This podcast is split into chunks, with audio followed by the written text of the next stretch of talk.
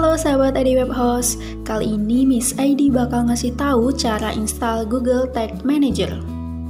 Tapi sebelumnya, Miss ID mau kasih tahu dulu nih alasan kenapa kamu harus menggunakan Google Tag Manager. Alasan yang pertama yaitu Google Tag Manager mempercepat proses analitik. Merubah atau menambahkan tag baru bisa dibuat dengan mudah dan cepat tanpa harus membuat pengkodean tag secara manual. Lalu yang kedua yaitu fleksibel. Melalui Google Tag Manager, kamu tinggal membuat sebagian besar tag tanpa harus menulis kode sendiri.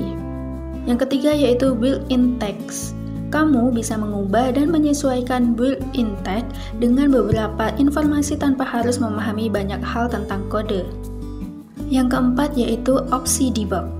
Google Tag Manager memiliki fitur debug bawaan yang memungkinkan kamu menguji dan debug setiap pembaharuan di browser dan website kamu yang sebenarnya sebelum benar-benar menerbitkan perubahan. Lalu alasan yang terakhir yaitu workspace.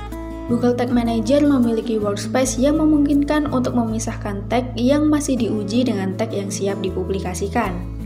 Oke, langsung aja deh, Miss ID kasih tahu cara install Google Tag Manager. Yang pertama yaitu buka terlebih dahulu Google Tag Manager di tagmanager.google.com.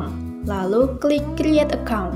Lalu isikan beberapa data yang tercantum, mulai dari nama akun, negara, serta kontainer domain yang ingin kamu manage. Kalau sudah terisi semua, klik Create. Setelah itu akan muncul kode Google Tag Manager yang perlu dimasukkan ke website kamu. Nah, kalau kamu menggunakan WordPress, install terlebih dahulu plugin Insert Header and Footers. Kemudian masuk ke menu Settings, lalu klik Insert Header and Footers. Paste kode yang tadi ke kolom yang sesuai di bagian Header and Body. Jika sudah, klik Save. Sekarang, instalasi Google Tag Manager kamu sudah berhasil. Nah, itu tadi cara install Google Tag Manager. Semoga bermanfaat ya.